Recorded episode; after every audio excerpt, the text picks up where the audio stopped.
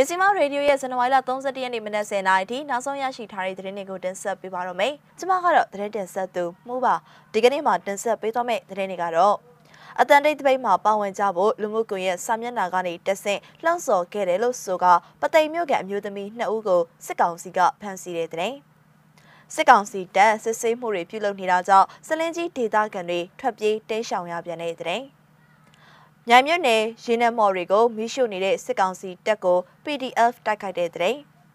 လိုင်ကောတိုက်ပွဲအတွင်းစေအုပ်စုက6ဦးထပ်မံတေဆုံးက KNDF ကတအူးကြဆုံးနေတဲ့အစရှိတဲ့တဲ့တွေကိုတင်ဆက်ပေးသွားမှာပါဦးဆောင်တဲ့အနေနဲ့အတန်တိတ်တပိတ်မှာပါဝင်ကြဖို့လူမှုကွန်ရက်စာမျက်နှာကနေတဆင်လှုံ့ဆော်ခဲ့တယ်လို့ဆိုကပသိမ်မြို့ကအမျိုးသမီး2ဦးကိုစစ်ကောင်စီဖမ်းဆီးတဲ့တဲ့ရင်ကိုတင်ဆက်ပေးကြပါမယ်။ AR တိုင်းဒေသကြီးပသိမ်မြို့မှာအတန်တိတ်တပိတ် Silent Strike မှာပါဝင်ကြဖို့လူမှုကွန်ရက်စာမျက်နှာကနေတက်စစ်လှုံ့ဆော်ခဲ့တယ်လို့ဆိုကမြို့ကန်အမျိုးသမီးနှစ်ဦးကိုစစ်ကောင်စီကမနေ့ကဖမ်းဆီးထားတယ်လို့ပသိမ်မြို့နယ်စစ်ကောင်စီကသတင်းထုတ်ပြန်ထားပါတယ်ဖန်စီခံရသူနှစ်ဦးမှာပသိမ်မြို့အမှတ်6ရပ်ကွက်မှာနေတဲ့မတ်ဝဝလှိုင်နဲ့အမှတ်4ရပ်ကွက်မှာနေတဲ့မငိမ့်အေးအောင်တို့နှစ်ဦးကိုစစ်ကောင်စီကမနေ့ကဇန်နဝါရီလ29ရက်နေ့မှာဖမ်းဆီးကပုံမှန်905ကာကြီးနဲ့အမှုဖွင့်အရေးယူထားကြောင်းသိရပါတယ်။ ဖမ်းသွားတာဟုတ်တယ်အင်အားအများကြီးနဲ့လာဖမ်းတာအဓိကအကြောက်တရားပြည်သူတွေဖြန့်ကျင်တဲ့သဘောပေါ့သူတို့ထားသလိုမနေနဲ့ဒီလိုခံရမယ်ဆိုတာပြကျင်တာအဲ့သဘောနဲ့လောက်တာဆိုပြီးမျက်မြင်တွေ့ရှိခဲ့သူတအုပ်က AR တိုင်းကိုပြောကြောင်းသိရပါတယ်ဒါအပြင်ပသိမ်မြို့ပေါ်ကဈေးဆိုင်ခန်း40ခန်းကိုလာမယ့်ဖေဖော်ဝါရီလ1ရက်နေ့မှာစိုက်မပိတ်ကြဖို့နဲ့မြို့နယ်စီပင်တိုင်ယာကခေါ်ယူချင်းချောက်ပြောဆိုထားကြောင်းလည်းဒေသခံတွေထံကနေသိရပါတယ်။ လာမယ့်ဖေဖော်ဝါရီလ၁ရက်နေ့မှာဆီယနာသိမ်းမှုတစ်နှစ်ပြည့်တဲ့အထိမ်းအမှတ်ဖြစ်ပြုလုပ်မယ့်အတန်တိတ်တပိတ် Silent Strike မှာပြည်သူတွေအနေနဲ့ပါဝင်ကြဖို့တလိုင်းအင်အားစုတွေကတိုက်တွန်းထားပေမဲ့လည်းအာဏာသိမ်းစစ်ကောင်စီကမို့ပါဝင်သူတွေနဲ့လှုံ့ဆော်သူတွေကိုအရေးယူသွားမယ်လို့ကြေညာထားပါတယ်။အဲဒီလိုပါဝင်ပြုလုပ်သူတွေကိုစစ်ကောင်စီကနိုင်ငံတော်ကြီးညိုပြည့်စေမှုပုံမှ905ကကြီးနိုင်ငံတော်ပုံကန့်မှုဥပဒေ124ကကြီးအကြမ်းဖက်တိုက်ဖျက်ရေးဥပဒေပုံမှ52ကကြီးနဲ့ Electronic ဥပဒေ33ကကြီးစတဲ့ပုံမှန်တွေနဲ့ဖန်စီတရားစွဲဆိုသွားမှာဖြစ်ကြောင်းသူတို့ရဲ့ဝါရဖြတ်မီဒီယာကနေတက်ဆင့်ထုတ်ပြန်ကြေညာထားပါတယ်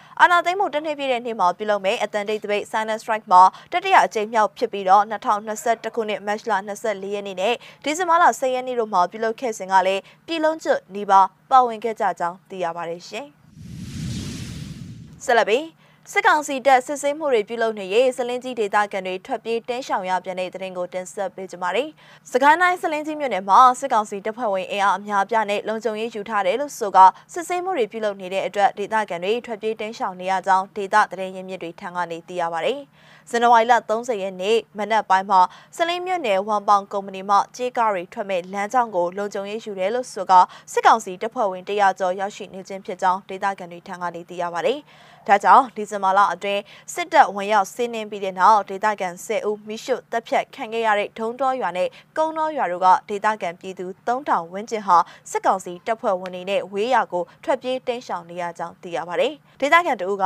ကျွန်တော်တို့ရွာကရွာလုံးကျွတ်လောက်ကိုရှောင်လိုက်တာတခါလဲခံထားဘူးသားဆိုတော့နောက်တစ်ခေါက်မယုံရဲဘူးဘလို့ပိုးပုံစံနဲ့ပဲလာလာအတက်နိုင်ဆုံးမတွေ့အောင်ရှောင်ဖို့ပဲရွေးလိုက်တာပေါ့ဘာမှမလုပ်ဘူးအေးစင်းနေလို့ပြောပေမဲ့မယုံဘူးလေဆိုပြီးပြောပါတယ်။ အဲဒီစစ်ကောင်စီတပ်ဖွဲ့ဝင်တွေဟာမုံရွာပသိမ်လမ်းတစ်လျှောက်မှာရှိနေပြီးတော့ပြည်သူတွေရဲ့ကားတွေကိုတားဆီးစစ်ဆေးမှုတွေပြုလုပ်နေကြောင်းသိရပါတယ်။ဒီဇင်ဘာလ9ရက်နေ့ကဒုံတော်ရွာကိုစစ်တပ်ကဝင်ရောက်စီးနင်းတဲ့အတွက်ဒေသခံတွေထွက်ပြေးတင်းရှောင်ခဲ့ရပြီးတင်းရှောင်တဲ့ဒေသခံလူငယ်10ဦးကိုနေအမျိုးမျိုးနဲ့နှိပ်စက်ပြီးမှကြိုးတုပ်ပြီးအရှင်လက်လက်မိရှုတပ်ဖြတ်ခဲ့ကြပါတယ်ရှင်။ ဆက်လက်ပြီးမြိုင်မြို့နယ်ရင်နမော်တွေကိုမီးရှို့နေတဲ့စစ်ကောင်စီတပ်အား PDF တိုက်ခိုက်တဲ့အကြောင်းကိုတင်ဆက်ပေးကြပါမယ်။မကွေးတိုင်းမြောင်မြို့နယ်အတွင်းမှာရှိတဲ့ပြည်သူတွေရဲ့ရင်နမော်တွေကိုလိုက်လံမီးရှို့နေတဲ့စစ်ကောင်စီတပ်ကိုမြို့နယ်ပြည်သူ့ကာကွယ်ရေးတပ်ဖွဲ့တွေကစုပေါင်းပြီးတိုက်ခိုက်ခဲ့ကြောင်းသိရပါတယ်။စစ်ကောင်စီတပ်တွေဟာမြိုင်မြို့နယ်နဲ့ပေါင်းမြို့နယ်အစပ်မှာရှိတဲ့ပြည်သူတွေရဲ့ရင်နံတွင်းတွေစီချက်တွေကိုဇန်နဝါရီလ9ရက်နေ့ကနေစတင်ပြီးတော့နေ့စဉ်စိုးတလို့မီးရှို့ဖျက်ဆီးနေတဲ့စစ်ကောင်စီတပ်ကို PDF တပ်ဖွဲ့တွေက မနေ့ကမိုင်းဆွဲတိုက်ခိုက်ခဲ့ခြင်းဖြစ်ပါတယ်။အဲ့လိုတိုက်ခိုက်မှုကြောင့်စစ်ကောင်စီတပ်ဖွဲ့ဝင်2ဦးသေဆုံးပြီးတော့3ဦးဒဏ်ရာရရှိခဲ့ကြောင်းမြိုင်မြို့နယ်ပြည်သူ့ကာကွယ်ရေးတပ်ဖွဲ့ကသိရပါတယ်။မြိုင် PDF တပ်ဖွဲ့ဝင်2ဦးကစီကန်တွေမီးရှို့တွေပတ်စံကောက်တယ်။ပေးလိုက်နောက်တစ်ဖွဲ့ကမီးရှို့သွားတယ်။မင်းတို့မိုင်းဆွဲရင်တုတ်ပြန်ပြီးတော့ရွာတွေကိုမီးရှို့မယ်ဆိုတဲ့စကားလုံးအလွတ်ကျက်လာတော့စောင့်ကြည့်နေတာအကြကြီးရှိပြီးတတော်ကြီးကိုရုံမာကြတာစိုးလွန်းတော့အကုန်လုံးတိုင်ပင်ပြီးလှုပ်တာဆိုပြီးပြောပါတယ်။မ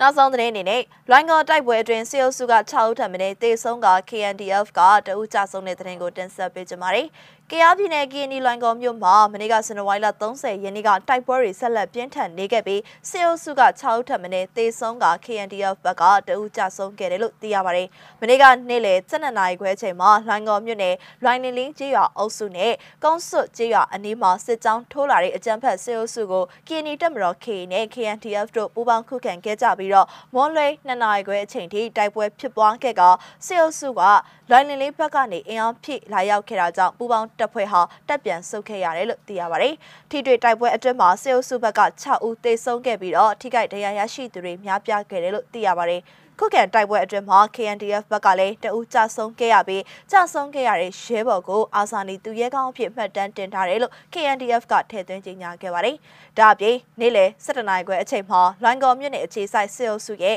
ခလာရ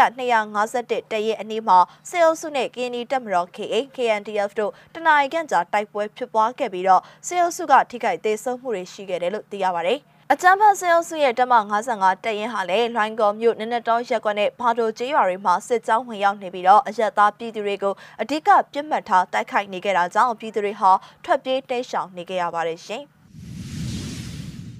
မြစီမရေဒီယိုရဲ့ဇန်နဝါရီလ31ရက်နေ့မနက်10:00နာရီထိနောက်ဆုံးရရှိထားတဲ့သတင်းတွေကိုတင်ဆက်ပေးခဲ့တာပါ။နားဆင်ပေးခဲ့တဲ့အတွက်ကျေးဇူးတင်ပါတယ်ရှင်။